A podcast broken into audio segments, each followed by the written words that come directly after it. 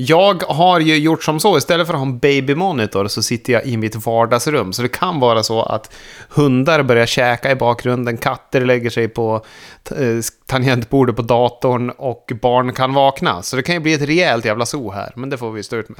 Jag förstår. Jag hade ju faktiskt tänkt eh, börja med att skälla ut dig i det här avsnittet. Men nu, det har gått lite för lång tid, så det har brunnit ut. Nej, vad var det då? Il ilskan har brunnit ut, så det är lugnt.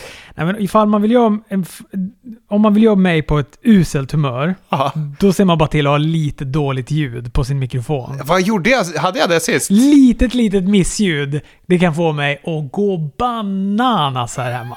Det var ett, ett brummande. Brrr. Ah. Typ som att du hade haft en telefon eller någonting. Men sekunden som du sa att du inte hade en babymonitor med nu så kom jag på att du hade en babymonitor. Förmodligen är det den som ligger och stör lite grann. Det var det nog, för den eh, är ju trådlös och säkert på någon dålig jävla frekvens. Ja, någon, då, någon dålig jävla frekvens ja, som stör, som Ja. stör podden. Men okej, då vet vi. Då kanske vi inte har det problemet den här gången i alla fall. Nej, jag ska flytta allt elektroniskt. Jag kan flytta mackorna som ligger där. det borde inte vara. Jo men eh, vi har svinmycket att prata om. Vi ska ta och beta av allt det. Jag har för kanske en timme sedan, vi spelar in där nu en fredag kväll, så har jag slutat se filmen You Cannot Kill David Arquette. Åh! har du sett? Var den bra? Alltså den var så fruktansvärt bra. Oho. Och vi ska, inte, vi ska inte fastna för länge där, för vi har verkligen inte tid. Nej. Men, alltså nej, den var jätte, jättebra. Han, det, I kort kan vi bara säga att den handlar om David Arquette som har, hade, eller har sjukt mycket respekt för wrestlingbranschen. Hade det även på den här dumma tiden när han var med i Ready to Rumble och Scream och de här grejerna som gjorde han känd.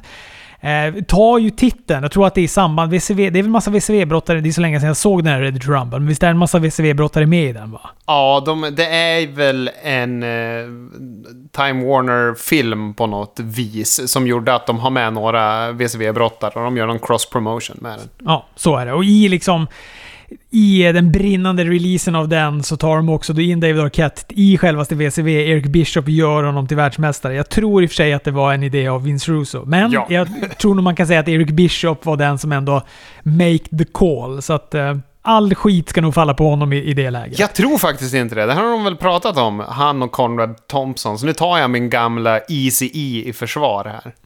Ja, men, ja, men du menar, men vad fan, Eric Bishop var ju ändå den som bestämde allting. Nej, de skickar, ju, de skickar ju hem honom. Han fick ju bara gå hem han och sen så plockar de in Russo och sen fick ju han... För han är ju med. Han står ju i ringen och pratar med honom och, presenterar honom som nya matchmästaren. Ja, han fick ju... Han fick komma tillbaka sen och då körde de ju tillsammans. Eh, men ja, du kanske har rätt att han är den som slutgiltigen bestämmer. Men, för att det var väl kanske någon av hans grejer till att han kom tillbaka. Men de gjorde det ju tillsammans. Först fimpade de ju Eric, sen så tog de tillbaka honom när de märkte att den här jävla New York-killen, han vet ju ingenting. Han har ett imponerande CV, men han är ju också skvatt galen. Japp, men han är ju så sympatisk på något vis, den där jävla Russo. Ja, verkligen. Älskar att kolla på intervjuer med honom. Och han känns så jävla smart också. Så det, är som, det krockar så mycket. Att han, att han är smart, säger liksom smarta wrestling-saker, men också bara gjort så jävla mycket dumt. Ja. Otroligt fascinerande. Ja, ett jäkla sidospår där, men han... Ja, precis. Ja, men det kan, nog, det kan nog stämma. De är båda med i filmen. Jag tror att, eller Bishop säger väl att, så här, att, att jag är den som är ansvarig. Det, är inte ditt, det var inte ditt fel, det var mitt fel. I princip så säger han. Men, men eh, Vince, Vince Russo är också med och säger den fantastiska linen när någon, eh, någon intervjuare säger att han elevated the wrestling business. Och så sa han så här, ja, fast i just det där momentet, då tror jag nog att jag dödade den. Ja, vad skönt med insikt från den mannen. Ja. Men det är väl lite det, för det här var ju, det här hatade ju alla. Eh, inklusive jag själv. Jag kommer ihåg när jag såg att han läste att han var världsmästare. Såg det inte, tänkte bara det där är ett... Eh, det där är ett jävla skitförbund jag ska inte lägga någon energi på det överhuvudtaget. Fuck Guns N' Roses, eller fuck Metallica, Here Comes Guns N' Roses. Sådana tröjor hade vi på oss, vi som gillade Guns N' Roses, eh, mot de som gillade Metallica i, eh, när jag gick i skolan. Och det var lite den inställningen jag hade till VCV också. Fuck VCV, Here Comes WWF. Härligt. Du, de där tröjorna, de fanns i min lilla håla i Alfta i Hälsingland också. Jag har inte tänkt på dem på 18 år. Nej, det måste ju vara längre. Fan, 38 år! Ja, stenhårda tröjor. Ja. Men eh, jo, men så att, och det här handlar liksom om hans tid, liksom, tid tillbaka. Hans, hans, hans sätt att ta sig tillbaka och bli en respekterad wrestler. Och liksom bygg, tränar för att bli en wrestler, går wrestlingmatcher, vill liksom tjäna tillbaka publikens respekt, tjäna tillbaka wrestlingbranschens respekt kanske framförallt. Ja, men hjärtskärande, jätte, jättebra. Se den. Han är... Eh hundra gånger mer sympatisk än även Russo va? Han, han känns så sympatisk, det lilla jag har sett av Arquette i wrestlingbranschen efter VCV liksom. Ja, men han är ju sympatisk och eh, har liksom självinsikt och sådär. Men han är ju också samtidigt... Oh, alltså jag vet det är ju också... Alltså det är ju hjärtskär, den här korpen. Varför ger man sig in i den här korpen-versionen av wrestling? Alltså den är inte vacker. Det är ingen vacker syn. Det är ingen vacker syn. Nej, det är det ju inte. Nej, ja, men jag måste ju se den. Jag, jag längtar efter att se den faktiskt. Finns på amerikanska iTunes att hyra och köpa. Finns säkert på andra digitala plattformar också. Men där hittade jag den i alla fall. Nice. Och jag måste bara få berätta lite om New Japan Strong också. Ja, ja, ja. För nu har, ju vi har ju fått, nu har jag ju fått se Jay White. Äntligen. Fortfarande i skägg dock. Det var en, en jävla besvikelse. Men kul att se honom. Han fick förlora ihop med Chase Owens mot Flip Gordon och Brody King. Eh, det var den där sopan Owens som blev pinnad. Han är, han är ju lik Chuck Taylor i dieten. Du vet att det är så här äh, mycket vitt bröd. Ja. Dålig, dålig kropp, men otroligt bra brottare. Japp. Och eh, Kenta vann också hela finalen. Gick mot eh, David Finnerly. Pokal och väska fick han. Till och, med den, till och med den här väskan är, är snygg. Alltså, New Japan Pro Wrestling-väskan är snyggare än WWE-väskan. den här, uh, vad heter det? Money in the Bank, visst är det Money in the Bank. Ja, den, den väskan ser ut som en jävla lunchlåda från Toys R Us. här var liksom bara clean, snyggt typsnitt. Alltså IRS, såg ut som IRS jävla väska såg det ut som. Snyggt typsnitt, areal, inga jävla krusiduller och färger och sånt där. Stod med vit areal på väskan. ah, kanon! Jättebra. Och det blir ju spännande. Då blir det alltså Moxley mot honom i final då? Eller inte final, vad man ska säga. Det blir väl en titelmatch snarare. Ja, precis. För han har ju nu då eh, förtjänat att gå en titelmatch mot eh, Moxley. Han tog micken efteråt och frågade vad den här Moxley pysslar med egentligen. Var är han någonstans? Då kommer Jeff Cobbs in och, jagar ut eh, Kenta. Så vi får väl se. Det känns som att upplägget fortfarande är där. Och det har väl att göra med att man inte vet när Moxley kommer kunna gå den matchen överhuvudtaget. Han har ju i sitt kontrakt då att han inte får... I USA får han ju bara brottas för AW, men i Japan får han brottas för New Japan. Och det här är ju, spelas ju in i USA. Ja, just det. Jaha, just det. Så det, är, det var det. Vi får också på lördag morgon, så att, ja, det beror på när du lyssnar på det här, men förmodligen så har det väl hunnit vara. Då är ju den här uh, Summer Struggle i Jingu i, Japan. Är det några bra matcher? Eller det är väl självklart. Men vad är de stora matcherna? Ja, jag hade hoppats på att du inte skulle fråga det, för jag hade inte skrivit ner kortet. Jag tror faktiskt inte att jag har det här framför mig, men... Nej, då skiter vi i det, för vi har så jävla mycket brottning att prata om. Det är väldigt mycket matcher i alla fall. Jag tror att eh, Evil och eh, Naito skulle gå en returmatch om inte annat. Ja, just det. Ja, men det blir ju... Det kommer ju vara stabilt i alla fall. Vi får googla det. Vi hade sommarvikarier på mitt jobb här nu. Som man har när ordinarie personal ska vara lediga. Och eh, varav vi har ett, en programpunkt som, eh, där vi får ganska mycket manus av musikläggare om själva musiken. Mm-hmm. Det ska vara väldigt mycket musikfokus på ett, vid, vid ett tillfälle. Så man ska prata mycket om musiken och så här, Och då är de bjussiga de som då lägger musiken och skriver ner lite så här. Ja men det här är en hit och den här låg på Svensktoppen. Jada, jada, jada, jada, jada.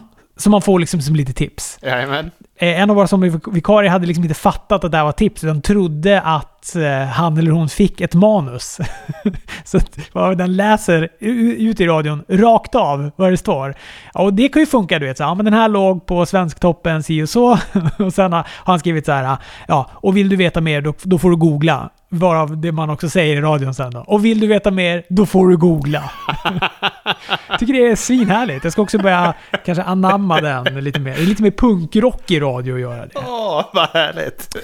Ha, ska vi, ehm, ska vi ta och eh, säga någonting också om eh, Smackdown va? det får vi nästan göra, för det var ju premiären av Thunderdome. Ja, och innan det började, man tänkte ju liksom... Det här kommer ju inte funka om inte Vince McMahon får säga “Welcome to the Thunderdome”.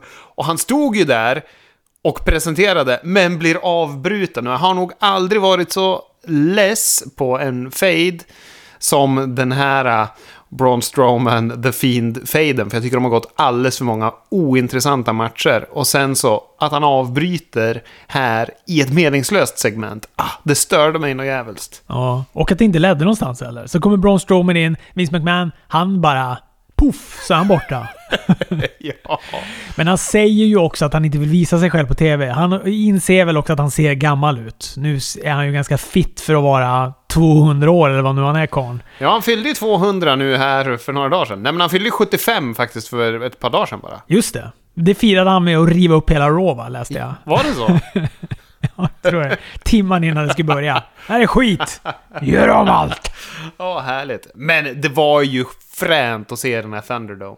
Måste jag säga. Ja, verkligen. Det var... Eh, jag gillade det jättemycket. Jag tycker att det... Ja, och nu har vi, har vi också fått se det både på SummerSlam, vi har sett det på Raw efteråt. Och eh, jag, tycker att det, jag tycker det är skitbra. Det, det ser ut som a million dollar. Och är det något som VV kan göra så är det att få saker att se ut som a million dollar. Ja, och det kändes i brottarna också. Kanske inte så mycket på det här första Smackdown, för det var ett ganska ljummet Smackdown, så man la väl inte märke till det. Men, Men jag tror att de var lite som oss, du vet. De behövde växa in i det på något sätt. För de var väl också jävla ovant att bara...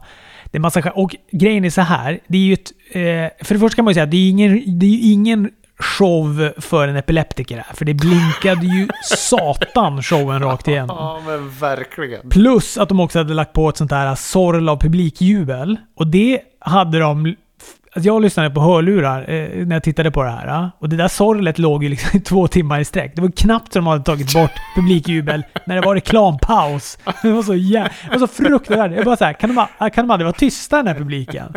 Jag blev hes av att höra den här publiken, av att lyssna på den här publiken. Ja, helvete. Så det kan jag väl känna var lite sådär. Nu hade de väl på Raw och på kanske SummerSlam också börjat vara lite mer dynamiska. De hade ju också lagt till lite bu och sådär.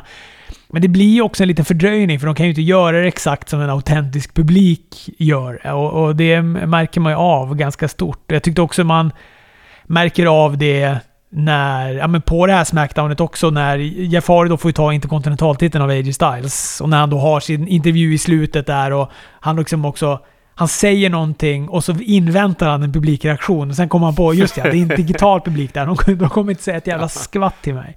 Sen vet inte jag ifall de Hör brottarna det här publikjublet? Eller är det bara helt tyst inne hos dem? Ja, det har jag reflekterat över också. Vad är det de hör inne i arenan? Men av att döma hur vissa reagerar på att det är folk där så måste det ju vara något. För om det bara är visuellt kan de inte bli så där taggad som man faktiskt genuint ser att de blir. Så att, svårt att veta. Har man liksom varit van med att den här publiken som står du vet, och dunkar och slår i plexiglaset och så helt plötsligt blir det knäpptyst. Det måste ju vara otroligt... Ja, ja men det kan inte vara helt tyst. Det, det kanske var det den där första Smackdown och därför det blev bättre nu de showerna efter. Vem vet? Ja, kanske. Nu spekulerar vi så jävligt vilt. Googla det! Uh, ja, men det var väl inte... Jag håller med, det var ganska ljummet Smackdown där. Jag tyckte det var coolt att de ändå på något sätt uh, nämnde det här med Sonja Deville.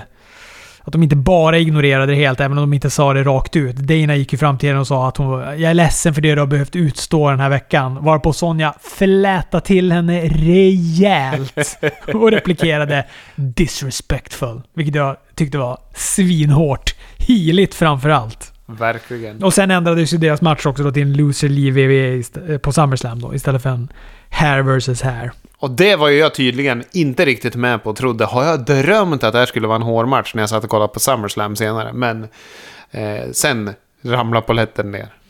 Apropå det. Jag tror att i vårt förra avsnitt så sa ju jag att Baileys match mot Aska skulle vara den som var först på SummerSlam. Ja. För det hade de ju redan bestämt. Men sen på det här Smackdownet, då skulle de gå en match om vem som skulle ha den här första... Och jag bara, ja, men vänta nu. Har, är, är det det här Saida-momentet igen, där jag kan se in i framtiden vad det är som händer? Eller, eller har de bara har de gjort upp det redan och glömt bort det och nu gör upp om det igen? Jag har för mig att det var, var det inte på Raw de gjorde det någonstans? Vi sa ju det! Ja, vi får googla det för att jag var ju övertygad om det. Nej men jag, go jag googlade och googlade och googlade. Till slut hittade jag att det var så. De hade redan gjort upp det här. Det här var redan löst. Jaha! Men eftersom det är så jävla mycket fram och tillbaka och de river manus och sådär, så låg väl den rivna papperslappen i någon papperskorg någonstans inne hos Vince. Så hade de glömt bort att det här, här hade vi faktiskt en grej som vi redan hade löst. Ah, ja. Vad i helvete, de är ju ett helt jävla rum fyllt med writers. Någon måste ju våga säga ifrån. Ja, men Jeff Hardy och AJ Styles, eh, jag tyckte den matchen också var småtråkig, men eh, Jeff Hardy fick då ta titeln. Så där känner jag väl för det. Vince vill väl ha sitt face moment nu med sitt nya Thunderdome. Det var kul efter matchen i alla fall när AJ Styles, arg som ett bi, förklarar att Hardy hade använt det knäskyddet som ett vapen i matchen och skadat han och så pekar han på ett litet, litet, litet märke vid läppen. Ja, men takeover då. Ja. XXX som kan stå för porr, en usel film med Vin Diesel, straight edge eller romerska siffror för talet 30, vilket gör det här fallet. Jag är ju gammal straight edge här jag Ja, jag vet. och har XXX tatuerat på handleden. Jobbade som fritidsgårdsledare efter studenten. Väldigt många kids på Tunagården i Luleå där jag jobbade.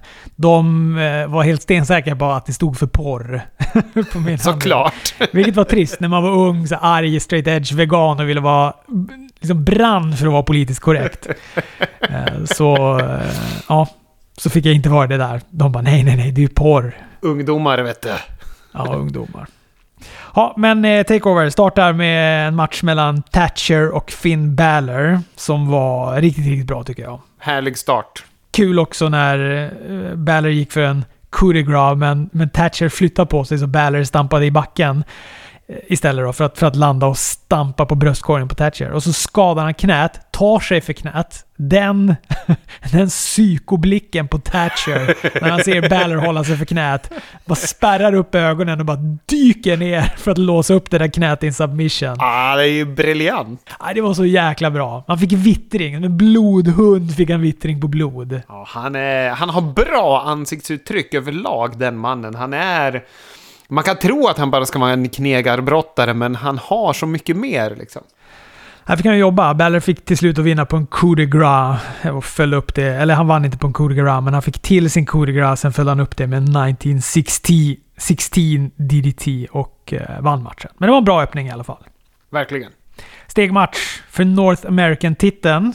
Damien Priest, Gargano, Cameron Grimes, Bronson Reed och Velveteen Dream. Velveteen Dream är något sånt där hårnät som Scott Steiner hade va? Eller har. Ja, det var mycket, mycket homager. Han var ju Scott Steiner, vi hade ju Bronson Reed som var Bam Bam Bigelow och vi hade ju han Damien Priest som var, hade Shawn Michaels kläder på sig. Va? Hade han? Ja, ja, man hade ju den här västen med så här äh, kedjor och grejer. De nämnde det även på, på commentaryn. Ja, men jag såg också att Bam eller Bam Bigelow, att Bronson Reed hade varit, hittat någon gammal Bam Bam Bigelow direkt i någon WWE-garderob där bak. ja, verkligen. Men också alltså Velveteen Dream och den här, Dream och den Scott Steiner eh, där. Alltså det känns som att, det känns som att Scott, Scott Steiner han sitter hemma och kokar när han ser det där. verkligen. Scott Steiner känns alldeles för konservativ för att uppskatta Velveteen Dream. Oh ja. Jag undrar om det är många som uppskattar Velveteen Dream överhuvudtaget nu. Han verkar ju vara i jävla blåsväder utanför ringen. Återigen.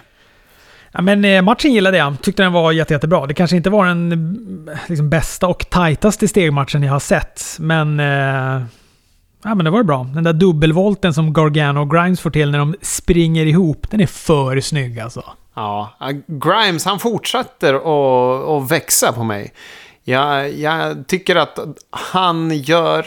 Han, han brottas som en smart, lömsk skurk i matcherna liksom. Samtidigt som han är en pajas. Han gör, han gör sin roll jättebra. Eh, men jag håller med, det var en bra match. Den kanske var lite lång, just den föll isär ibland. Men den var ju absolut underhållande. Priest hade någon nonchalant spark på Velveteen Dreams vrist när han var på väg upp från stegen som, som eh, Dream sålde graciöst. Tyckte jag var snyggt. Candice Ray kom också in, hindrade Grimes från att klättra upp för stegen. Sen sabbade hon också för Bronson Reed, som var på väg upp för att plocka ner titeln. Men istället valde han då att sätta henne på ryggen och utföra en big splash på Gargano. Dream såg ut som en jävla jubelidiot när han uppenbart försökte, och nu gör jag försöker med såna här citationstecken med mina fingrar eftersom ni inte ser det här. Ändå försöker nå titeln högst uppe på stegen. Det var som att se, det var som att se Papphammar titta på han. Oj, oj, oj, oj. Balansera med jävla bältet. ja. Men han kompenserade det eh, när han tog det där spottet från stegen, studsade på repen och ut i entrén. Jävlar vad han flög långt. Ja, det var coolt. Och eh, Gargano och Priest plockar båda ner titeln i varsin ände, men Priest lyckas då få ner Gargano med en härlig tinningen, vinner matchen. Bra val.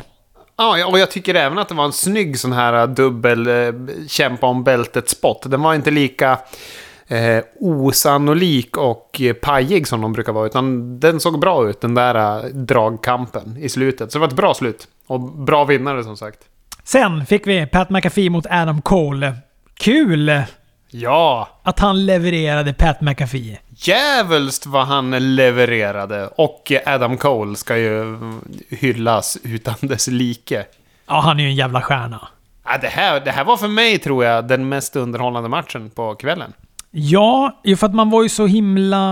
Man blev så positivt överraskad. Jag var ju skeptisk fram tills att han klippte sin promo på eh, NXT-episoden innan den här.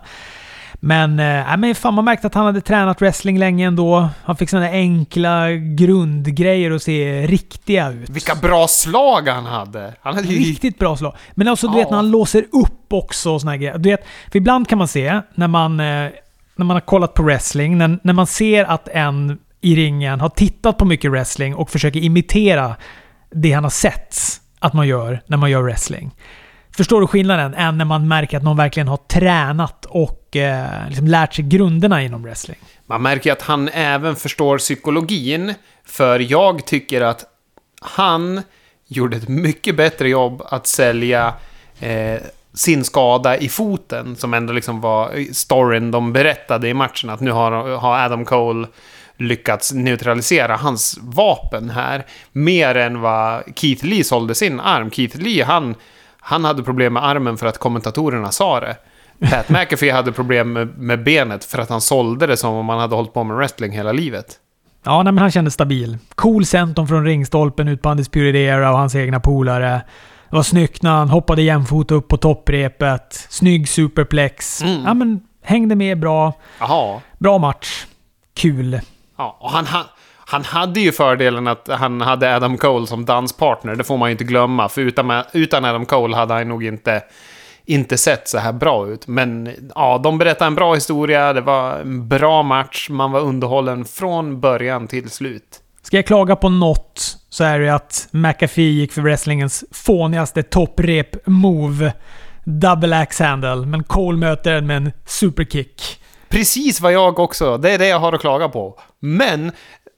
Och det där knepet är ju sämst. Men i veckans AEW, då satte ju Trent en double axe handle. Och då tänkte jag, fan de kan sätta den ibland ändå. Sjukt. Ja, och det är sällan man ser den gå in. Ja. Tatanka någon gång på 90-talet. ja och Macho, macho någon- Man också. Och, ja, Macho Man också. Ja, precis. Ja, men Cole eh, naglar också en Panama Sunrise som sitter som en tavla. Han eh, sålde den otroligt bra, McAfee där. Och vinner också på den. Ja, men kul. Kul match, kul överraskning. Ja. Tydligen ska han ha köpt en wrestlingring på fyllan för flera år sedan. Det är så allt det här startade. Inga trippel X på armen på honom inte. Dakota Kai möter Io Shirai. En match som började läskigt när Io missade... Ja, vad heter det? Hon, hon jula. det låter så, låter så ocoolt med jula. Handspring, eller så, så kanske man säger det. ja. Men hon missade den, eller armen eller axeln vek sig så hon då drar huvudet i backen och allt stannar upp. Tiden står still i några sekunder. Man ser också domaren fram flera gånger och verkligen kolla att hon är okej. Men eh, det verkade hon vara. Och eh, jag tycker de levererar en, en bra match. Jag är nöjd. Jag är jättenöjd med den här matchen. Jag tycker det var bra tempo, väl genomförd. Dakota fokuserade uteslutande på Ios axel efter den där handspring-botchen. Och det tycker jag också var snyggt att de eh, liksom improviserar och utnyttjar eh, en botch i matchen på det här sättet. Absolut, absolut. Och Ios eh, Yashin Liger Palm Strikes, Ja, är, de är så jävla... Ja, de är så snygga. Likväl som Dakotas Scorpio Kick. Ja. Jag säger efter varje match som jag ser med de här två, men det tåls att sägas flera gånger. De förtjänar det. Palm Striken och Scorpion Kicken. Absolut. Möjligen eh, Chiropracten också, att den förtjänar det. Ja. också cool. Eh, vi fick eh, domarspot för Dakota. Hon råkar ju sänka domaren med en big boot. Io sätter sin moonsault, tar täckning till 5. Gonzales delar med sig av en powerbomb på Io och skakar domaren till liv. Men då lyckas Io kicka ut efter 2,99999. Ja, det, det var snygg kickout har jag för mig. Ja, det var tight. Aha. Sätter ännu en moonsault. Denna gång är domaren på benen, räknar ut vinnare Io Shirai som behåller titeln. Och Gonzales som hoppar på henne efteråt och så kommer Rhea Ripley in, stirrar ut Gonzales och så lämnar de alla ringen. Vi får också veta att NXT UK kommer tillbaka den 17 september. Kul för den som tittar på det. Ja. Det är inte jag. Inte jag heller, tyvärr. Eh, sen får vi main eventet då. Keith Lee mot Karrion Cross. Vilket jävla intro han har alltså. Karrion Cross. Det är fan en femma det introt alltså. Det är ju mer performance art än wrestling intro. Ah, det är så. Ja, men det är så mäktigt tycker jag. Ja. Tänk när vi har publik igen. Nej men eh, toppbetyg till det. In, inget toppbetyg till matchen dock. Det Nej. var... Eh, Sämsta matchen på galan skulle jag säga. Ja, sämsta matchen på galan. Också om man ska börja jämföra med liksom andra gamla takeover main event så är det väl kanske det sämsta takeover main eventet någonsin, möjligen. Men eh, jag, jag ska... Jag var ändå... Jag, jag hade sett ett bra takeover, så jag, jag kunde ändå se den här matchen utan problem. Det var mycket kamp. Cross låser upp Keith i en sån här crossjacket. Domaren gör klassikern där han ska släppa Keith Arms tre gånger för att se att han fortfarande är vid liv. Keith pingnar till strax innan armen ska slå i backen, naglar en spirit bomb, tar täckning, Cross kickar ut efter två. Båda kliver upp på topprepet. Cross får in en side suplex, eller Doomsday Saito, som man kallar den. Vinner på den. Snyggt avslut också när Scarlett och Cross poserar med titeln framför sprutande eld. Det såg jävligt hårt ut. Då kände jag, ja, det var ett bra val ändå. Att han fick vara mästare. Absolut. Och vad heter det? Det är ju egentligen en duglig match. Man ska ju alltså för... Men den är inte main event-värdig. Så att man kunde gå, precis som du säger, man fick ett bra takeover och man kunde vara nöjd. Det var ändå en bra slutscen. Så att Ja, nog kan man leva med den här matchen. verkligen. Det, det tycker jag verkligen man kan göra. Vi, nu vet vi att axeln är paj och att han kommer vara borta länge, men eh, märk, eh, alltså jag märkte inte att den var så illa under matchens gång. Nej, jag märkte det inte alls. Eh, Jag såg sista den här side suplexen han gör från topprepet, eller Doomsday-grejen där. ja. Då tänkte jag så här, ah, den där såg lite slö ut. Och sen såg jag också att han... Han var väl högerhänt och höll upp, arm, höll upp bältet med andra handen. Så tänkte jag så här, undrar om han har något i... Om han gjorde illa sig i armen eller sånt där. Men att det ska vara liksom så, så att det är... Ja, den var den ur led eller? Jag, jag vet inte vad det var för... Vad var det för exakt axelskada han hade dragit? Separated shoul- shoulders arm ju. Ja. Jag vet inte. Jo, men det är väl att den har hoppat ur led, låter det som. Men då är man inte borta så länge. Det kan ju väl vara länge, för du behöver ju rehabba den så den inte blir permanent. Och den kan ju börja hoppa ur hela tiden då. Så är det nog. Fan, jag tror nog att de hade väl hoppats på... Han, han hade väl hoppats på om inte annat att, den, att det bara skulle vara en kortare grej. Att han bara skulle behöva vara borta ett tag. Men nu när han lämnar titeln och sånt där. Vi kommer ju dit när vi ska prata om NXT senare. Men då... Ja men då är det väl förmodligen att han kommer vara borta ganska, ganska länge antar jag. Ja, de får ju träna. Man får ju träna med extrem... Man får ju typ stå med så här gummibandsövningar länge med, med sånt där. Har jag för mig. Ja, nej men det är synd. Jag, jag kände för honom. Men eh, det kan vi komma till sen. När vi ska vurma för Carrion Cross. Ja. Eh, vi kan gå väl, ska vi prata igenom också AW innan vi tar SummerSlam? Så tar vi det i någon sorts dramaturgisk korrekt kurva. ja, men det tycker jag. Verkligen. För det här, det här var ett Dynamite som hette duga. Ja, men först så, eh, så tycker jag väl att det, det mest an- anmärkningsvärda var väl att Tully Blanchard hade skaffat sig en FTR-jacka och blivit deras manager. Ja, det var härligt. Det börjar ta sig. Ja. Men var, var inte de... Fast Arne Anderson var aldrig deras manager. Han var bara liksom där och hängde med dem när de skulle skriva de här kontraktgrejerna. För han har inte varit med dem in, in till ringen sådär va? Nej. Nej, han vart ju sänkt han. istället på den här Tag Team Appreciation-natten. Tuff, tuffa två veckor för Arne Anderson där. ja. Men FTR gick ju då den här matchen mot Private Party. Eh, funkade jättebra mellan de här två. Vi Ja. pratade ju lite om eh, innan, eller förra avsnittet, om att det var lite styles clash och att Private Party har ju lite varierande matcher. Alltså beroende på motstånd så är ju de varierande eh, bra. Ja, men ja, fan FTR. De är fina pojkar de. Ja, fan vad bra de är. Och Ja. tag team-repen såg jättebra ut också. Hängde där synligt i ringhörnan. Ja. Och FTR fick vinna, avsluta med sin Midnight Express.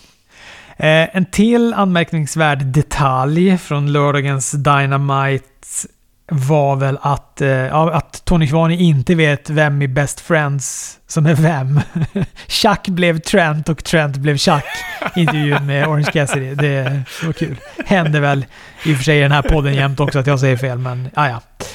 Eh, jag blandar ihop alla, allt och alla hela tiden. Men han är ändå en avlönad AW announcer. Han borde fan ändå ha koll på vem som är vem. Exakt. Jericho utmanar också Orange Cass- Cassidy till en, en match på All Out. Det blir Jericho versus Omega...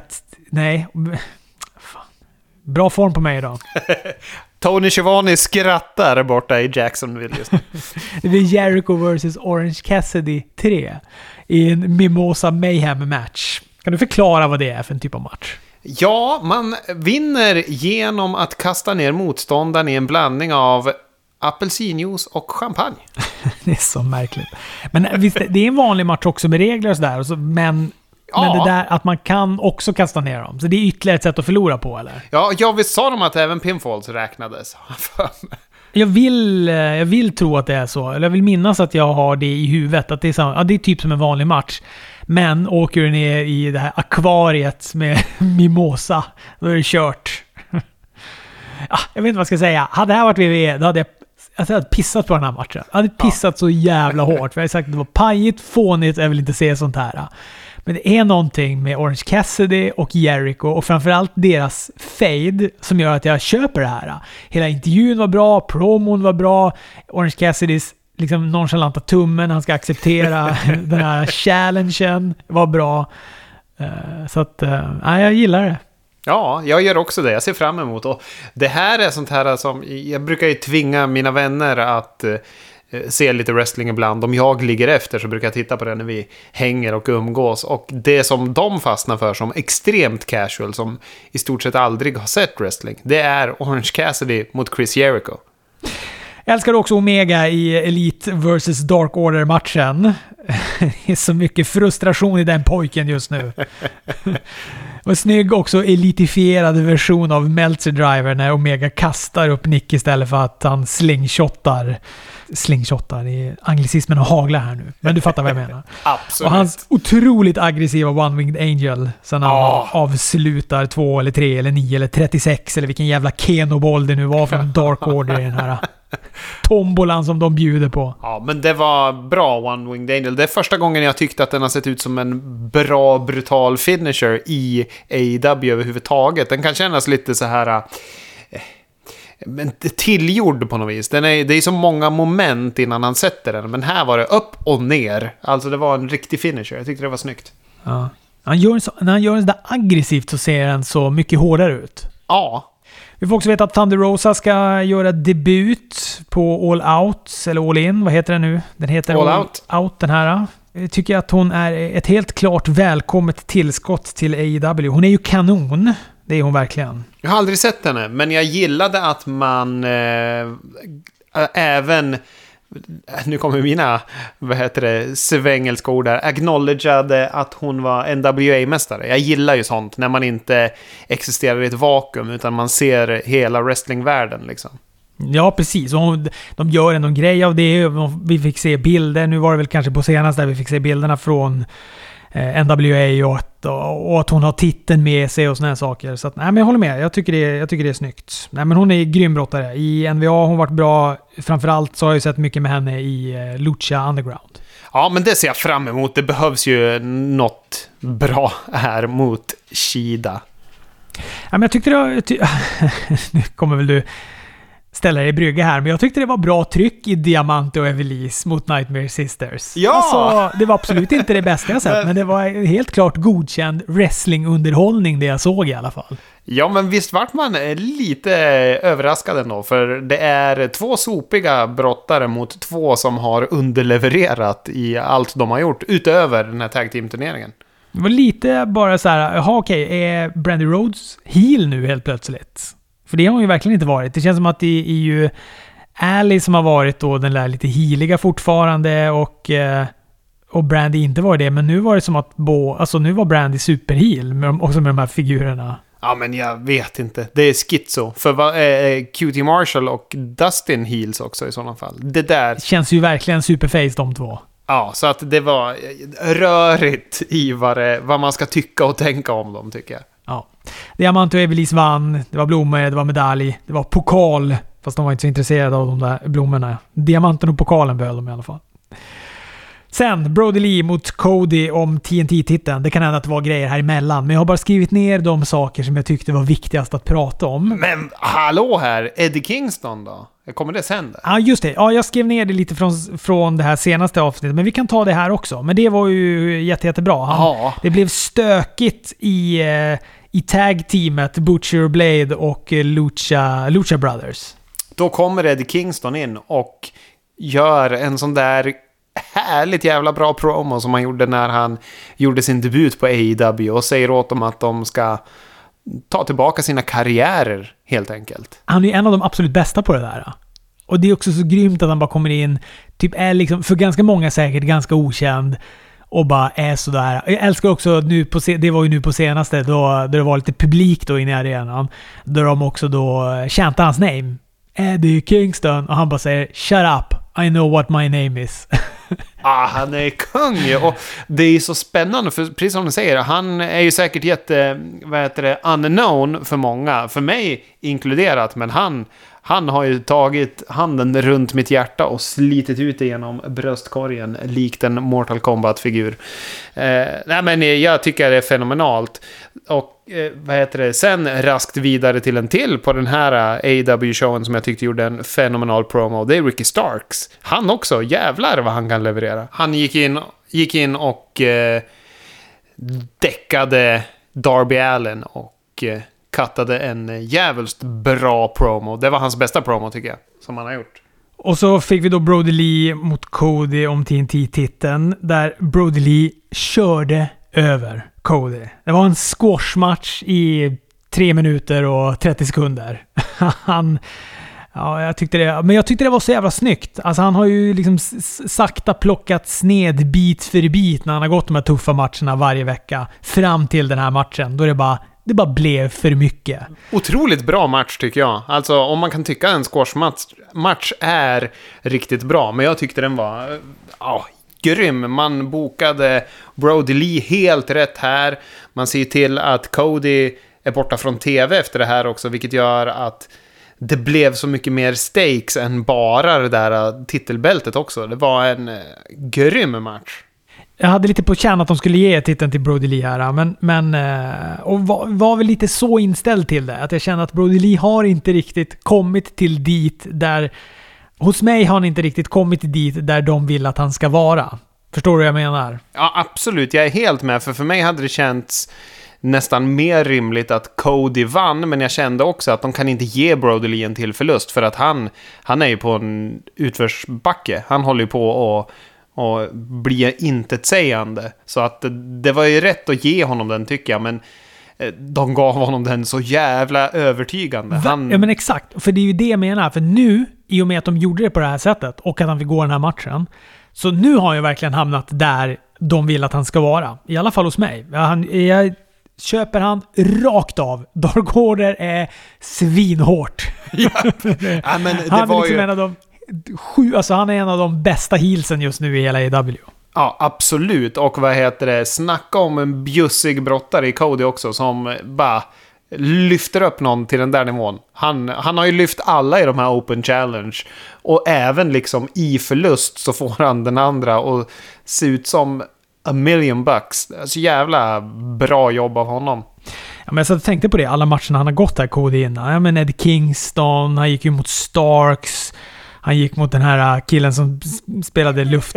gjorde silent scream och spelade luftgitarr. Warhorse, ja. Nej, men, det, ja, men även Sunny Kiss också jättebra. Sunny Kiss, han. ja. Alla matcher har varit svinbra och de flesta också varit stenhårda matcher. Ja.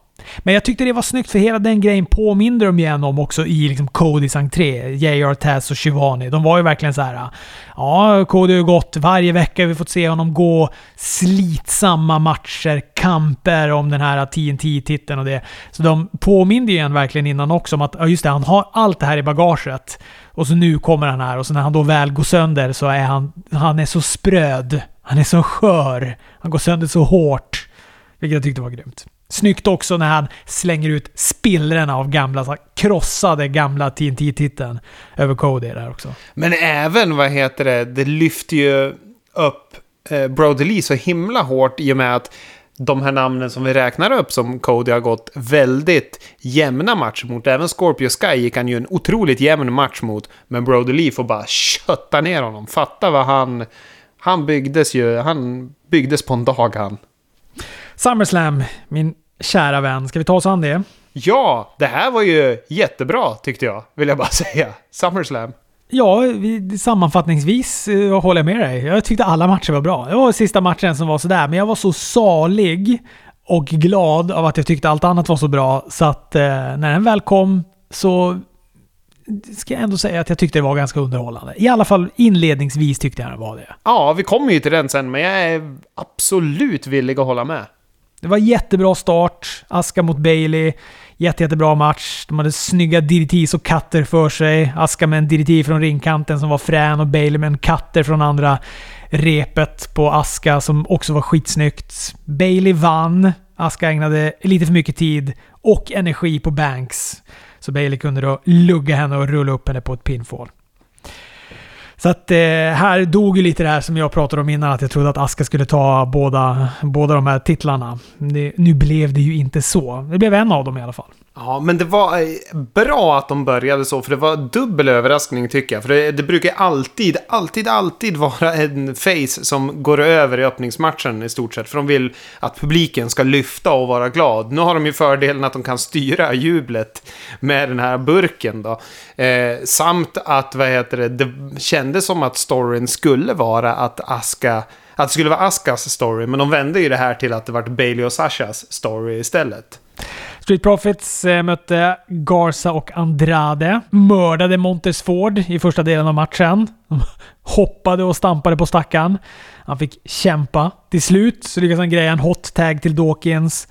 Montes åker också in i Selena Vega som hade hoppat upp på ringkanten, så hon åker i backen. Andrade går då för att kolla till henne. Men tyvärr så skulle Garza precis då tagga. Ingen hemma i den ringhörnan. Så Dawkins eh, plockar ner han och Montes gör sin nya Frog Splash med rotation och vinner den matchen. Ja, men jättebra match där också. Verkligen. Jag måste bara, jag tror att min katt har eh, hört att vi pratar om Angel Garza. För hon ligger och spinner och pratar med mig i bakgrunden. Så jag vill inte att, att Robert ska döda mig för konstiga missljud. Så jag ska försöka bära bort den här katten lite snabbt. Jävla osympatiskt av mig att, att, säga, att säga att du borde verkligen göra det. Men jag, du borde verkligen göra det. Så! Eh, jo, men det här var en bra match. Var eh, Kevin Owens på kommentat... Var, satt han vid kommentatorsbordet på den här matchen på SummerSlam? Eller är jag förvirrad nu? Nej, nej men det gjorde han. Ja, exakt. Jag vet att jag tänkte, Kevin Owens har ingen match på SummerSlam. Och så kom hans musik igång, så tänkte jag, jaha, då har han en match som jag bara inte vet om. Men då var det bara att han skulle kommentera den här matchen. Ja, och det var lite... Vi, vi kommer komma till det, för här, här håsar de ju upp att han skulle ha sin Kevin Owens show och att han skulle ha Alistair Black på Raw. Det segmentet valde de sen att klippa bort från YouTube, vilket jag tycker är väldigt intressant. Men vad heter det? Men den här matchen var ju underhållande och bra. Den var ju ingen eh, som man skriver hem till mamma om kanske, men den var absolut en bra match. Där fick vi Sonja Deville och Mandy Rose. Eh, den matchen som väl hade absolut mest känslor i sig. Något som de också lyckades förmedla bra, tycker jag. Det var väl kanske inte den mest tekniska brottningsskickliga matchen. Men det var mycket vilja. Sonja såg stenhård ut. Mandy såg verkligen ut som att hon hade fått nog av Sonja Deville.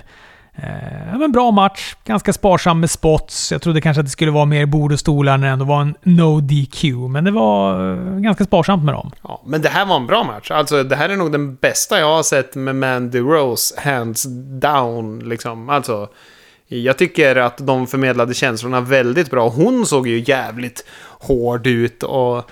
Nej, jag varit jättepositivt överraskad av den här matchen. Tyckte det var snyggt när Mandy använde liksom bordet som en bardisk. Du vet när man skickar en öl från ena sidan till den andra fast hon använde stolar. Som hade kapat huvudet på Sonja ifall de hade träffat. Ja, grymt. Men vi får se nu då. Jag hoppas att inte Sonja är borta liksom alldeles för länge. Jag hoppas att inte hon har blivit för skrämd av den här grejen så att hon eh, vill lägga ner wrestling ett tag nu. Ja, nej, men hon kändes ju som att hon hade väldigt mycket självförtroende och såg väldigt säker ut. Så jag hoppas verkligen inte det. Kanske bara en paus för att låta det här, liksom, allt som hänt smälta och komma förbi. Vi får hoppas det. Och sen kanske de tar tillbaka henne som face eller något sånt där. Jag hoppas ju att de får komma in och vara dunderheel. För jävla, hon har varit så himla bra. Hon har varit fenomenal tycker jag. Ja, hennes heel-promos är bland de bästa. Ja. Håret var för att hennes advokat sa att det var en dålig idé när de ska in i rätten. Om, med en rakning. Aha, okej. Okay. Så det var därför de ändrade det. Sägs det i alla fall.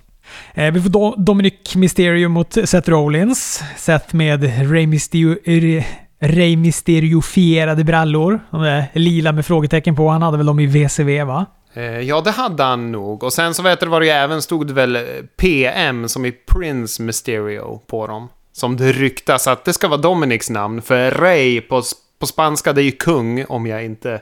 Om inte min eh, spanska skapunk eh, sviker mig så betyder det kung. Det tyckte jag var coolt. Ja, jag tycker också det. Jag gillar att han, eh, att han går i sin fars. Att han liksom tar ett lucha-namn i sådana fall. På med en maskjävel och döp om det till Prince. Nej men eh, han hängde ju med bra här tycker jag, Dominic. Ja, Sålde bra. Ja. Hade några snygga moves. En swing DDT, en frog splash som såg bra ut. Han såg mer, han såg mer ut som en, en wrestler också nu med de här kläderna. Det var lite stökigt med den här luvan, men annars så var det bra. Ja, onödig. Onödig luva. Han skulle haft en mask. Det hade varit bättre för då hade vi sluppit att luvan var stökig och han hade inte sett ut som en 13-årig Lars Ulrich. Så det hade varit så jävla mycket bättre. Ge han en mask. Ja, men det var så, det var så ofta i vägen. Det var så många gånger som han skulle göra grejer som han hela tiden fick ta bort här, dra bort den där jävla luvan från, från huvudet också. Ja. Eh, ganska lång match. Dominik hade, hade ett tufft stundtal. Det var mycket grejer runt omkring också. Det var, var ju säkert för att kamouflera att Dominik ändå är för grön för att vara i en match på SummerSlam. Men eh, till slut så kommer mamma Dominik in. Ray satte sig handklovar.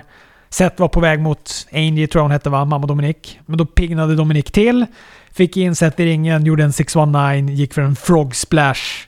Men Seth fick upp knäna, curbstomp och vann matchen. Vad heter det? Jag tycker att Seth Rollins är fenomenal som kan göra den här matchen så bra. Jag tycker ju att Dominic gjorde en bra match, men precis som Pat McAfee gjorde en mycket bättre match än vad han borde för att han hade Adam Cole. Så jävlar, Seth Rollins ska ha en eloge. Även, vad heter det, Ray och uh, Buddy Murphy gör ju sina grejer för att maskera matchen, precis som du säger. Men jag, jag var underhållen här från början till slut också. Vart jättepositivt överraskad här med.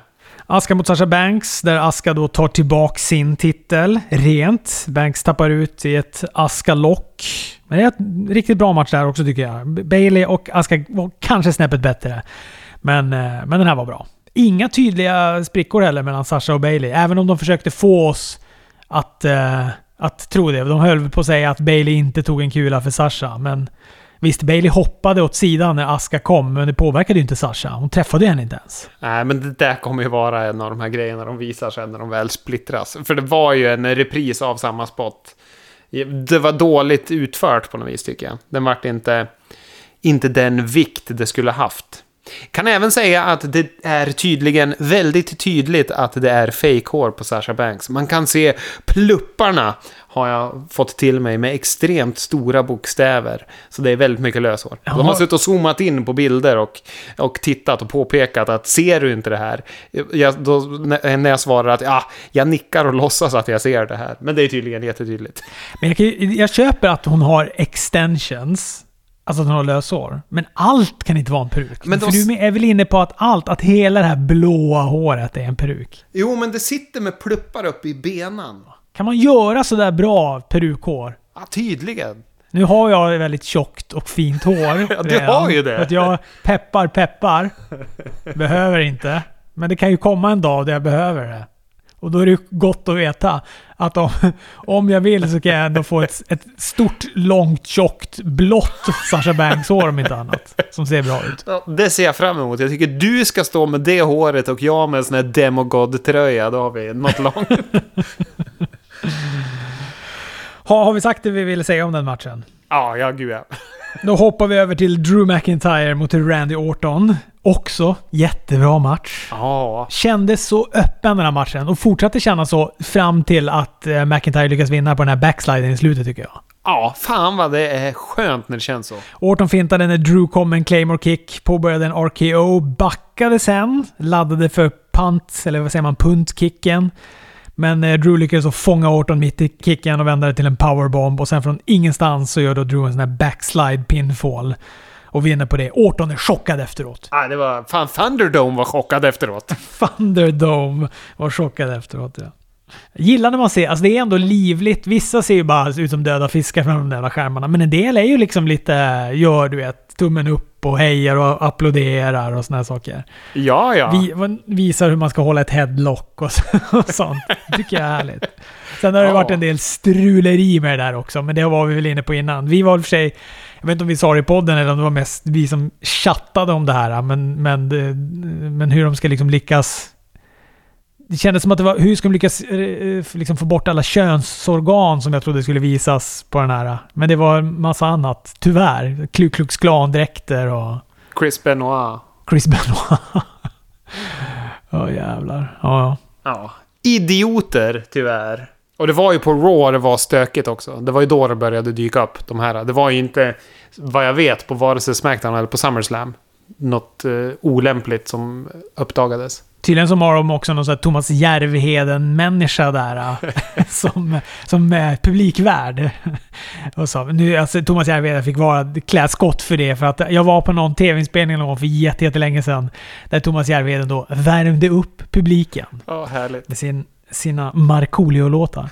Och eh, ja, men du vet att de har någon sån där som säger ja och nu är han ju duktig här, uh, Drew McIntyre. Jubla och eh, Jaså? klappa med händerna. Visa er att, eh, och tummen ner. Tummen är som coachar dem samtidigt som de, som de ska vara där. Nej, åh vad jobbigt. Braun Strowman mot The Fiend var, ja men som jag sa, inledningsvis så tyckte jag ändå att, att den var helt okej. Jag tyckte att den hade lite tempo. Eh, ja, allt annat på Summer Slam hade varit bra, så att eh, det är okej med då en, en sämre match. Det är lite som Takeover. Att jag känner att så här, ja men det, det är okej om det här nu inte går ut på 5 plus. Men de här, det här var ju deras bästa match, de två emellan tycker jag. Så att jag tycker att de överlevererade. För att den kändes bara pigg och bra på något vis. De, de gjorde det så att man var underhållen här med. Jag tycker den här var bättre än Keith Lee mot Karrion Cross tror jag. Ja, Jag hade ju också, var ju dumt för att jag hade ju kollat på den här 24-dokumentären innan, timman innan SummerSlam började. Där eh, Braun Strowman är liksom otroligt känslosam han berättar om att han var liksom liten, eller nej, han var fan allt annat än liten. inte. När han var liten så var han gigantisk. Och han var också väldigt tjock, vilket gjorde att han var väldigt mobbad. Och till slut bara så går han in på ett gym och bara säger så här, jag pallar inte längre. Jag, kan någon bara hjälpa mig att få bort fett så att jag inte blir retad längre? Och jag tycker det är hjärtskärande när jag hör som sånt där. Och han blir också väldigt känslomässig när han pratar om det, vilket gjorde att jag bara vurmade satan för Braun Strowman helt plötsligt och var så här. Hade ångest, vi- började liksom scrolla bak och tänka så här, ska jag, ska jag delita gamla podcast-episoder där jag snackar skit om honom nu? För jag... Jag hade ju turen och såg det efter SummerSlam ska jag säga, så jag kunde ha kvar mitt agg mot att det hade varit en tråkig, tråkig ägel. Nej men det var, det var fint. Det var fint. Den kan man se tycker jag. Ja, det tycker jag med. Det var, man blev ju jätteberörd av honom för att han har ju ingen tanke på att börja gå in i det så djupt när han pratar heller, utan han börjar ju prata om det och bli jättekänslosam. Och sen så, vad heter det, en till höjdpunkt i den där, vad heter det, 24-dokumentären är ju när Vince McMahon ska visa Gronk hur man hoppar från balkongen. det är fint. Ja, men tillbaka till matchen. Eh, Braun börjar skära upp ringen. Han hittar någon jävla kniv i någon verktygslåda där. Han ska blotta trät. Men, som min mamma brukar säga, synden straffar sig själv. Istället åker han på en Jurenagi på det blottade trät. Två stycken Sister Abigail och eh, Fiend eh, vinner matchen. Och ny Universal Champ. Ja, Och efter kommer Roman Reigns in och spelar han och slår han 36 gånger över ansiktet och sen ger han sig på Braun Strowman också. med nya tänder.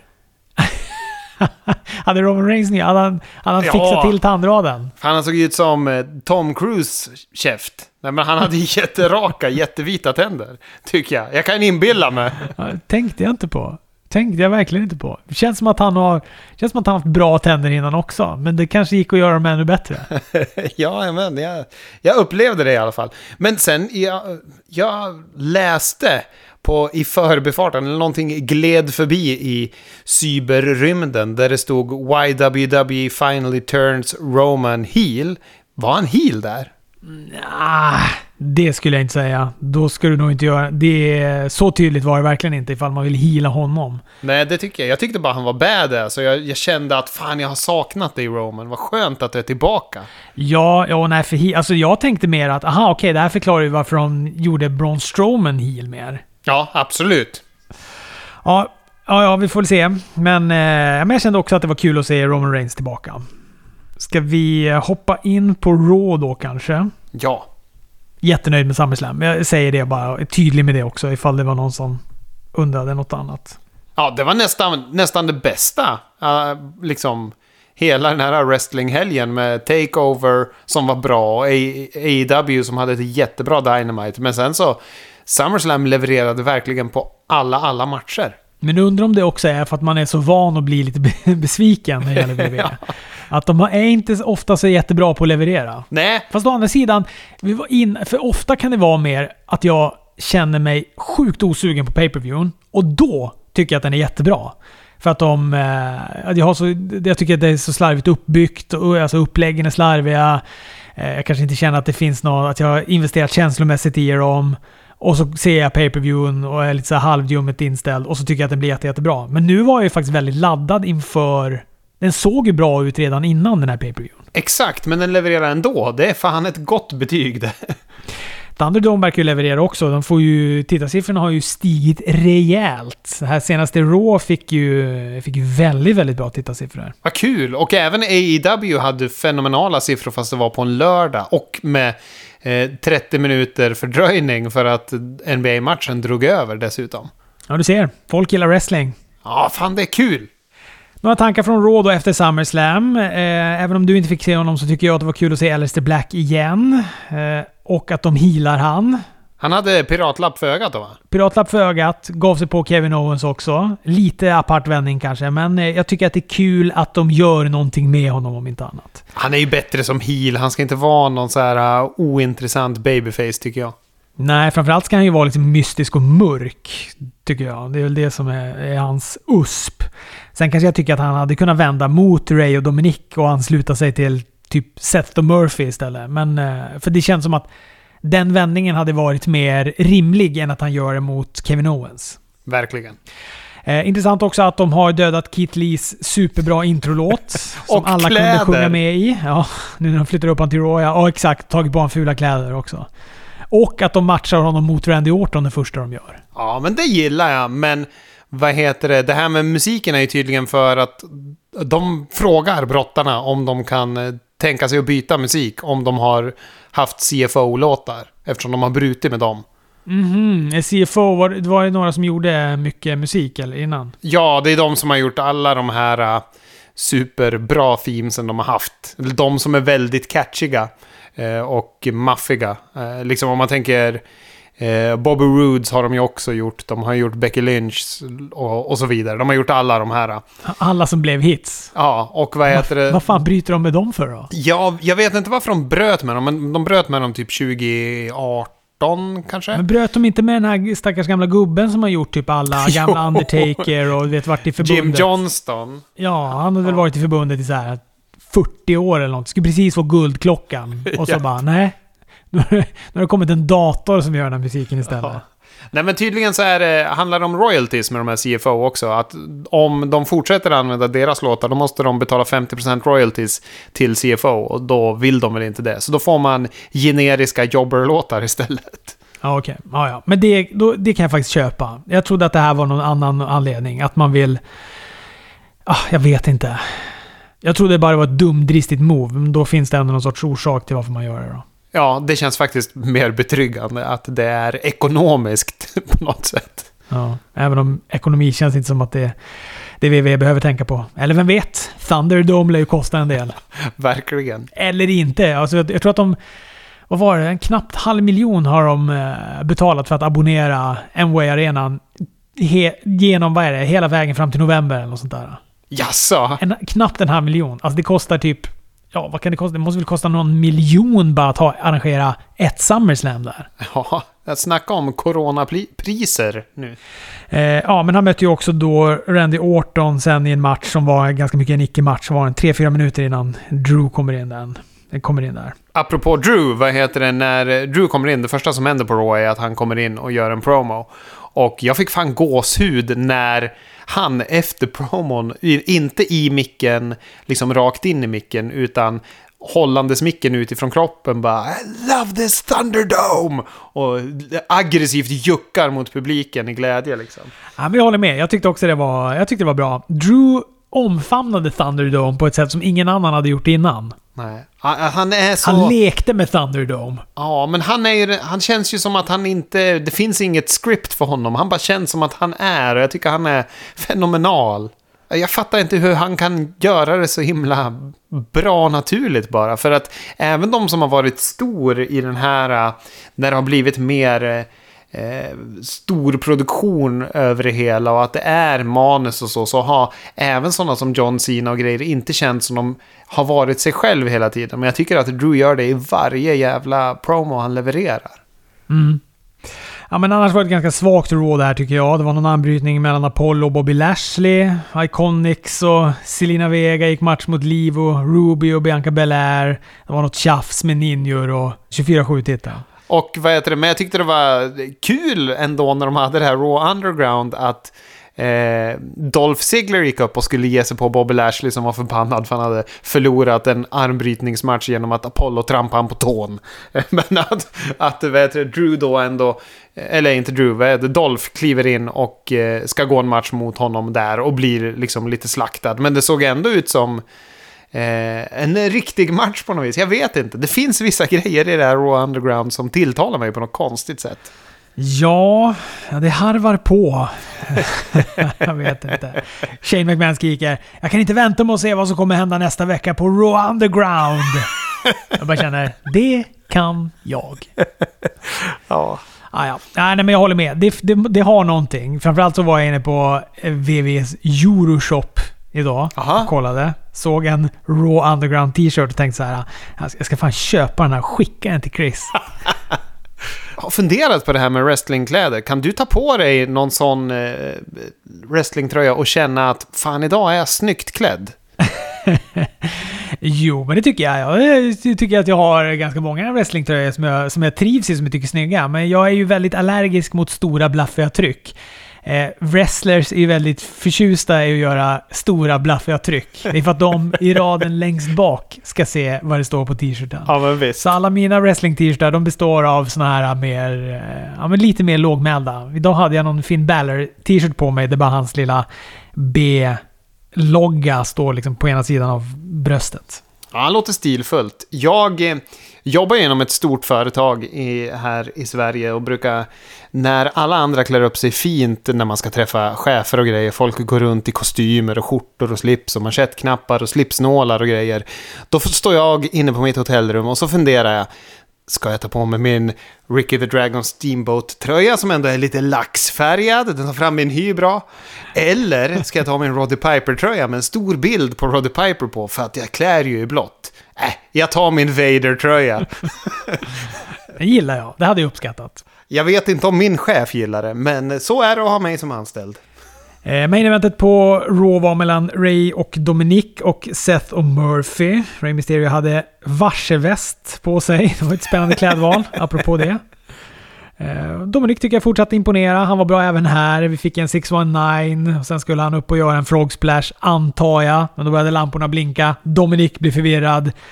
Eh, Seth puttar ner han och från ingenstans fylls i ringen av svartklädda maskerade retributionister. Eh, som gjorde också en cover på Kevin Nash när han kastade pil med Ray Mysterio i VCV. Fast i ringstolpen istället för i, i en barack. Som det var på den tiden då. Eh, en av dem var väldigt lik Punishment Martinez av de här uh, Retribution-människorna. Det var säkert han. Det känns ju som att det här är bara människor som de... Det finns, det finns ingen tanke bakom de här brottarna. Nej. Utan det här tror jag är bara liksom... Det kan vara någon som jobbar i köket, det kan vara någon från NXT, det är lite folk de har på plats som de slänger på lite masker och svarta kläder på. Och så ska de vara då eh, det här ligistgänget. Ja, jag håller med där. Men hintade de inte att vad heter det, The Miss har någonting med det här att göra. För han var ju sen in till ringen på Smackdown och eh, betedde sig lite underligt.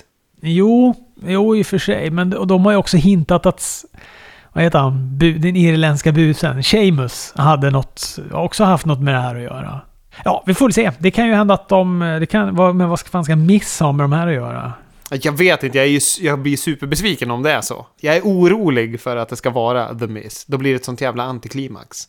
Men ja, vad intressant här också att uh, Buddy Murphy börjar morfa in till Brutus Beefcake, för han hette ju The Disciple under den här matchen. Han har tagit Brutus Beefcakes gamla gimmick. Lever han? Jo, det gör han va? Ja, det gör han. Han åkte dit... Han för... Les Leslie... Ed Leslie heter han väl. Ja, åkte väl dit för att han hade kokain fulla, vad heter det, biljettluckan där han satt och jobbade i tunnelbanan för tio år sedan eller någonting. Men vad heter det, jag tycker att här såg återigen Retribution ganska farlig ut. För de kom in och ge sig på familjen Mysterio för, vad heter det, eh, Seth och The Disciple sticker iväg. Men även Ray glider ut ur ringen och liksom tvekar på att gå in och rädda Dominic för att de ser hotfull ut. Sen gör han det till slut. Jag tycker att Ray var väldigt bra på att få de här att se ut som ett hot. Ja, du tänker så. Jag tänkte mer vad är det för jävla farsa?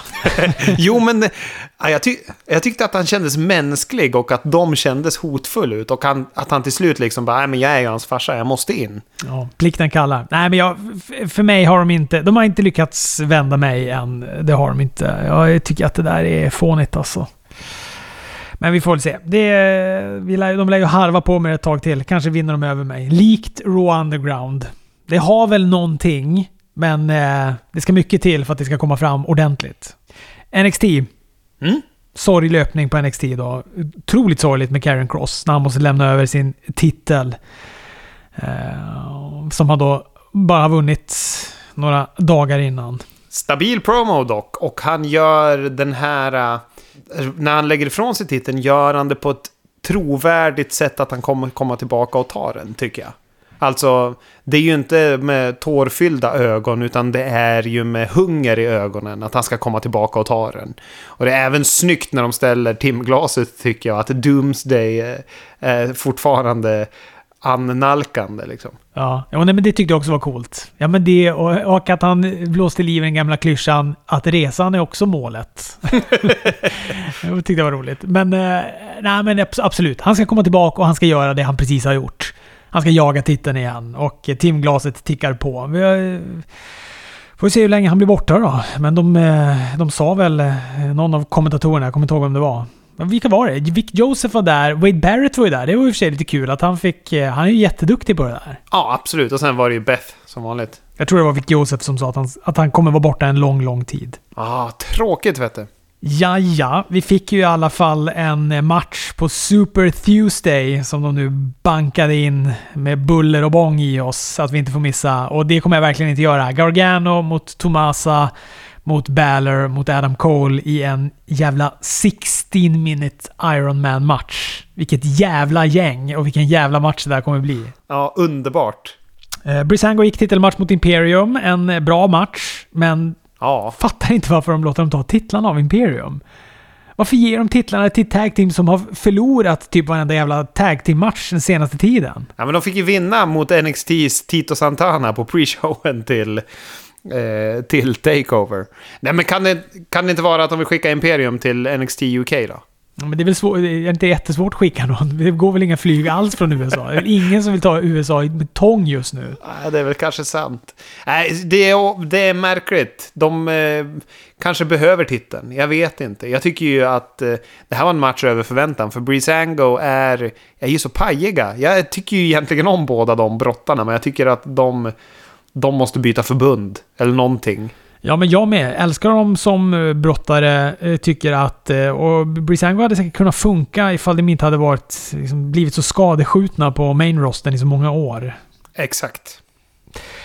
Champa är tillbaka. Han behandlar Jake Atlas som en jobber. Otroligt tidigt va, när han spöar på honom. Väldigt. Och fan, Tommaso Ciampa. Jag kommer ihåg när jag tyckte han såg ut som en fåntratt de första gångerna jag såg han. Men han har en sån jävla bra look nu för tiden. Men vänta nu. Vänta nu här. Okej. Tommaso Ciampa blir heel här. ah. Då har vi Johnny Gargano, superheel. Vi har Tommaso Ciampa, superheel. Vi har Finn Balor.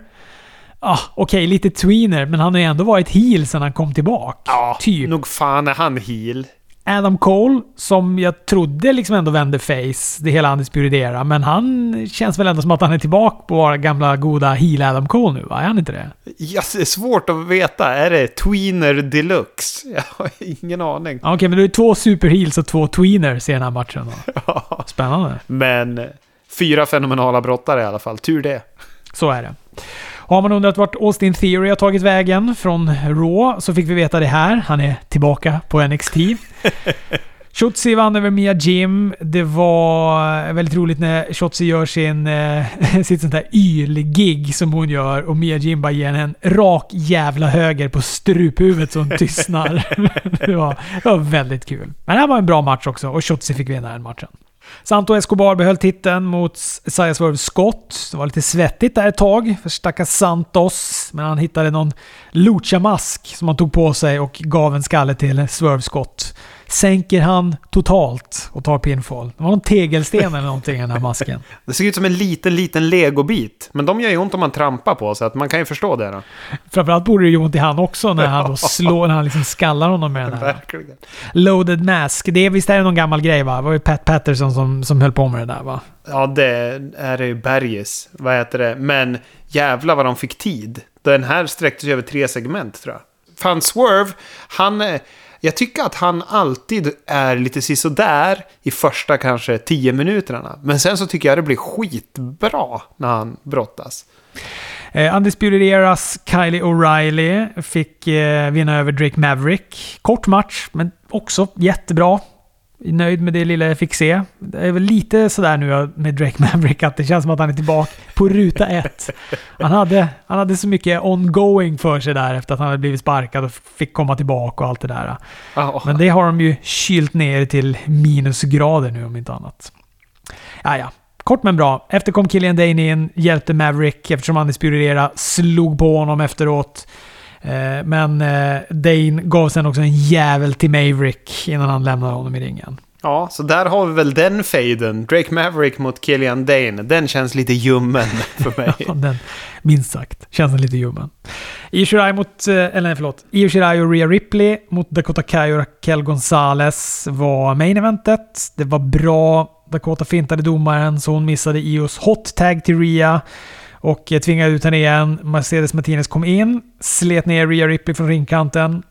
Gonzales kunde sen då avsluta en snurrig Rhea Ripley när eh, väl då Io hade lyckats tagga in henne med en big boot.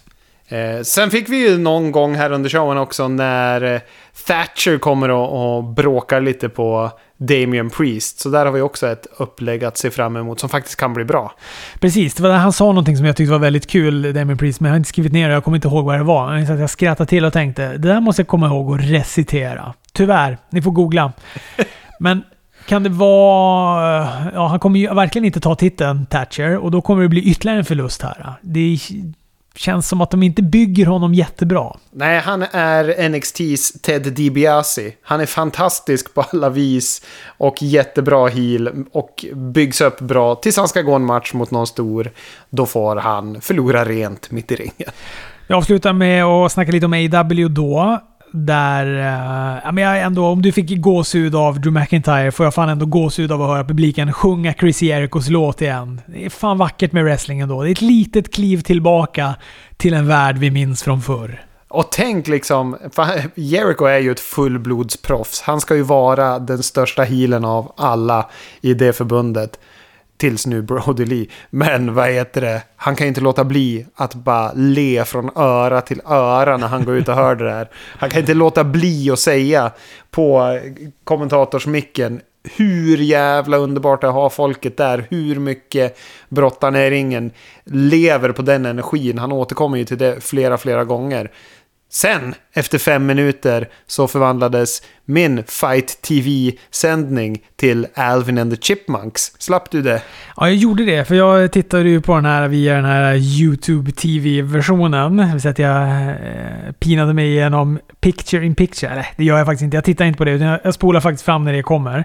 Men den här gången har, kommer vi ju dit för det handlar ju om main eventet. Men det är väl kanske första gången som jag känner såhär, nej, fan jag borde kolla istället på den här jävla fight-versionen. För att det känns ju som att eh, Matt Hardy mot Semi Guevara var en eh, bra match, men på YouTube TV-versionen var den ju tyvärr i picture in picture mer än halva matchen. Jaha, just det. Ja, för man får ju kommentatorer hela tiden på fight. Det är ju en, faktiskt en fördel det.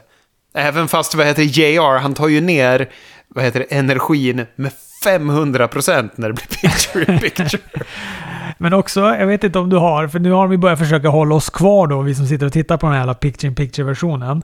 De har alltid någon sorts tävling eller någonting. Man ska hitta någon... Ja, the secret hashtag. Exakt, man ska hitta någon liksom hashtag och då kan man vinna någon brödkorg. Ett Facetime med... Ja, Facetime-samtal. Just det. med, med typ Joey Janella eller något. Nej, vad, vad heter han? Den här annonsen. Marves. Marves, ja. Fy fan. Åh, oh, helvete. Oh, ja. Eh, men hela den här AW då öppnade i matchväg med en Gauntlet-match. Det var tag team för att bestämma då First Contender till Hangman Page och Omegas titlar. Bucks började mot QT Marcel och Dustin Rhodes, vann över dem. Andra in var Best Friends, som, eh, som de förlorade mot av att Hangman Page kom in och hindrade Nack Jackson då från att genomföra sin Meltzer Drive. Och då kunde Chuck rulla upp matt, matt Matt och vinna.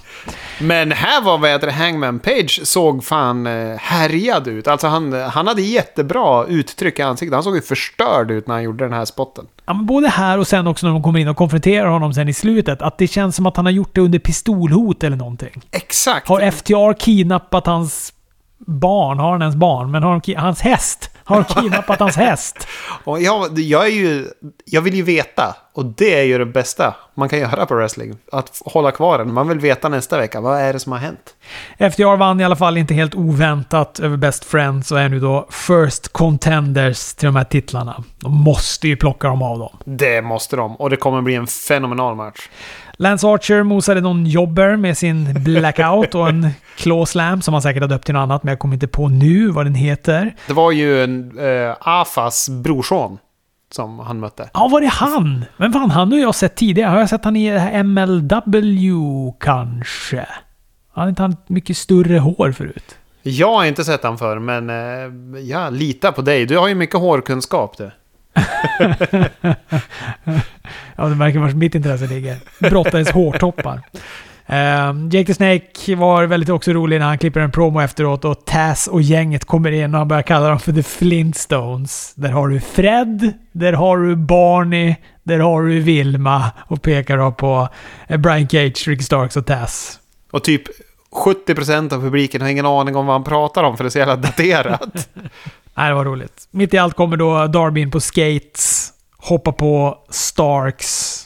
Jag tror den matchen kommer bli svinbra. Ja, jag med. Och jag tycker även om den här konfrontationen mellan Cage och Archer. Jag gillar när man jag, jag tycker att AEW kan vara superfenomenala på att bara blanda ihop allting så det känns som att alla har någon storyline som vävs in överallt i alla andra. Jag tycker att det är som en, en organisk levande wrestlingvärld och inte bara nu kommer segment 3, där har vi brottare X och Y som kommer göra någonting ännu den här veckan. Utan alla är med i alla segment överallt. Och, ah, jag gillade när att se de där två stora bitarna stå och säga att de ska mötas i den här Battle Royale. Vi fick kontraktskrivning mellan Moxley och MJF. Till och med det gör de bra. Kontrakt, jävla skrivning. Kontraktskrivning och debatt. De två liksom tråkigaste segmenten som man kan klämma in i en wrestling-show. Så alltså jag somnar bara jag hör ordet. Men eh, det här var jättebra. Det var jättekul. Det var lite lång kanske.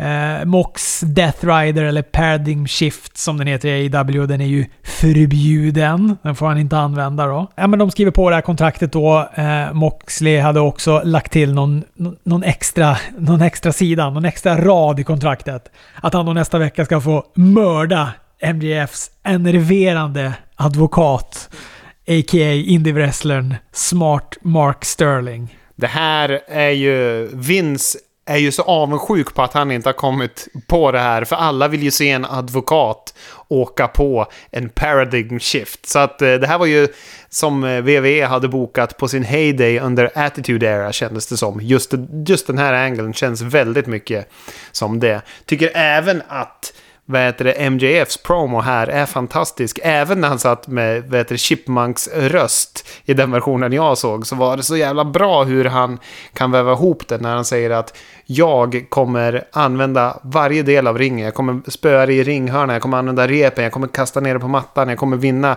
över i, i ringen. Medan du försöker lura ut mig och få mig vid barrikaden, vid cementgolvet, vid eh, utsidan av ringposterna. Han gjorde så jävla bra målande bild där och hur han pratade om att dina förebilder Moxley, det är Sandman, det är New Jack, medan mina är Eh, och sen började han rabbla upp massa brottare som var bra brottare.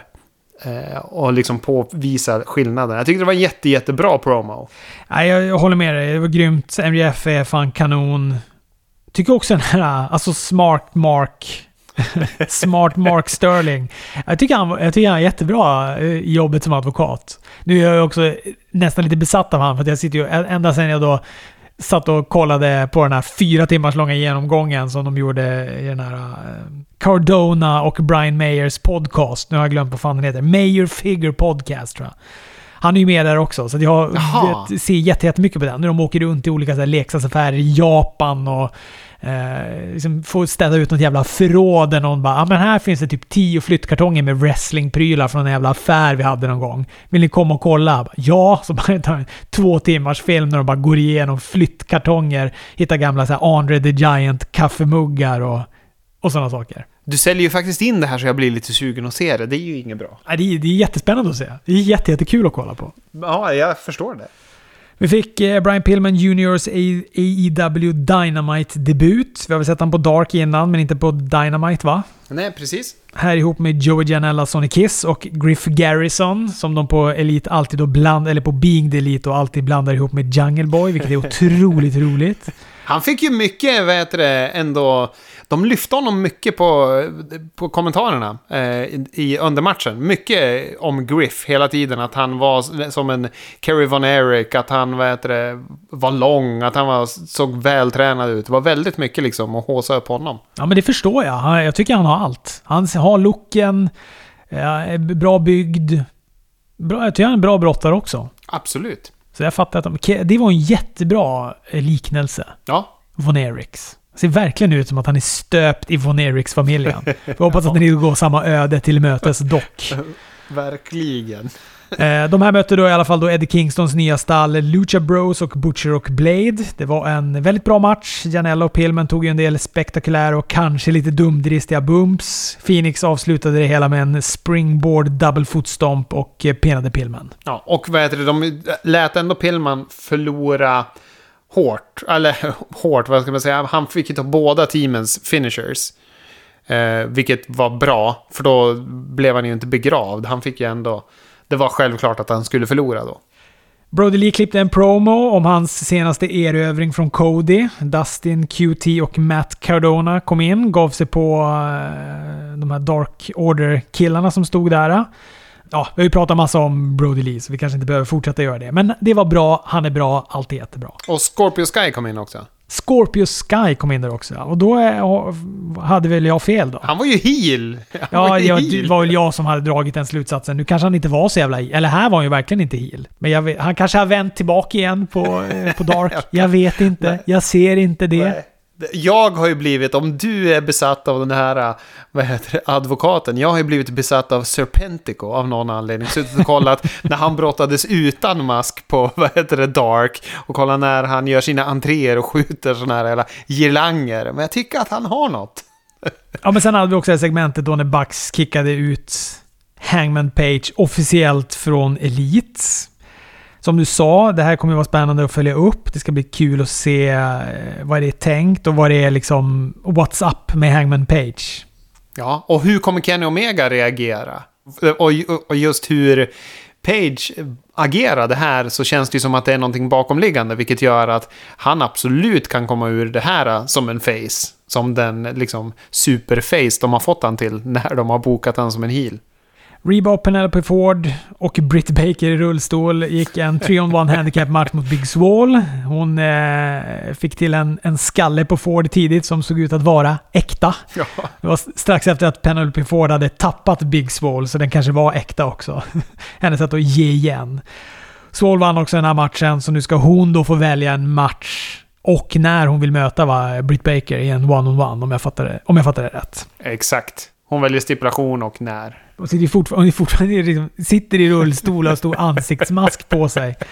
Ansiktsskydd på sig. Det känns inte som att hon är i närheten. Det kan ju inte vara en match på, på All Out. Eller det kanske det är. Jag tror att det kommer vara det. Men eh, vem vet? Det här var ju dock en icke-match, men det bygger ju storylinen i alla fall. Sen hade vi main eventet då med Hardy Sem Guevara i en tables match. Tyvärr då, som jag sa, så kollade jag på YouTube TV-versionen och eh, fick då se halva matchen i picture in picture. Det sög. De gav järnet de här två. Eh, allt, liksom, allt tappar ju. Alltså jag såg blod, jag såg spots. Och så lilla, lilla, lilla rutan. Inget ljud. Man har någon jävla pizzareklam och sånt där som pågick på sidan. Nej, det är fan, det är så... Det är så otroligt svårt att... Alltså även när man anstränger sig och vet att men det här är en match som jag, som jag kommer tycka är bra. Så är det svårt att titta på det i picture i picture. Ja, jag förstår det. Jag är glad att jag har fight just för, av den anledningen. Eh, Men eh, det, jag tycker det var kul att se att Matt Hardy kändes piggare än vad han har känt på länge. Ja, jag tyckte den var jättebra den här. Var, det, liksom, bord går sönder, det sprutar blod. Hardy lägger Guevara på ett bord, teasar en top rope leg drop, men Guevara kommer upp, sätter istället med Hardy en suplex genom bordet och vinner. Ja. Och att det inte var några WWE-regler, utan du var väl tvungen att sätta din motståndare genom bordet. Exakt. Nu vet jag nu kanske jag var lite slarvig här, men, men har inte WWE haft det någon gång att det räcker om... Alltså om du liksom bara hoppar åt sidan och så gör du en swanton genom bordet själv, då har du förlorat. Ja, och så förlorar du i WWE, upplever jag jämt att det är. Ja, det är som att de, ibland är det som att de anstränger sig för att göra antiklimax där. Japp. Ja, det var mycket och det blev ett långt avsnitt det här. Har du någonting du vill tillägga? Nej, vi har ju pratat om allt. Men det är ändå kul att vi har fått prata om mycket wrestling. Men vi har ju varit jävligt nöjd med det vi har fått se. Och det känns ju jättebra. Det är ju liksom de här veckoshowerna på WWE som kanske har varit ljumma då. Men de försvinner ju av all superbra wrestling vi, vi har fått avnjuta liksom. Kanonvecka har det varit. Nu håller vi tummarna för att nästa vecka blir lika bra. Payback, New Japan, Pro Wrestling, Summer Struggle, Thunderdome och grejer. Hörni, tack för att ni har lyssnat. Vi hörs!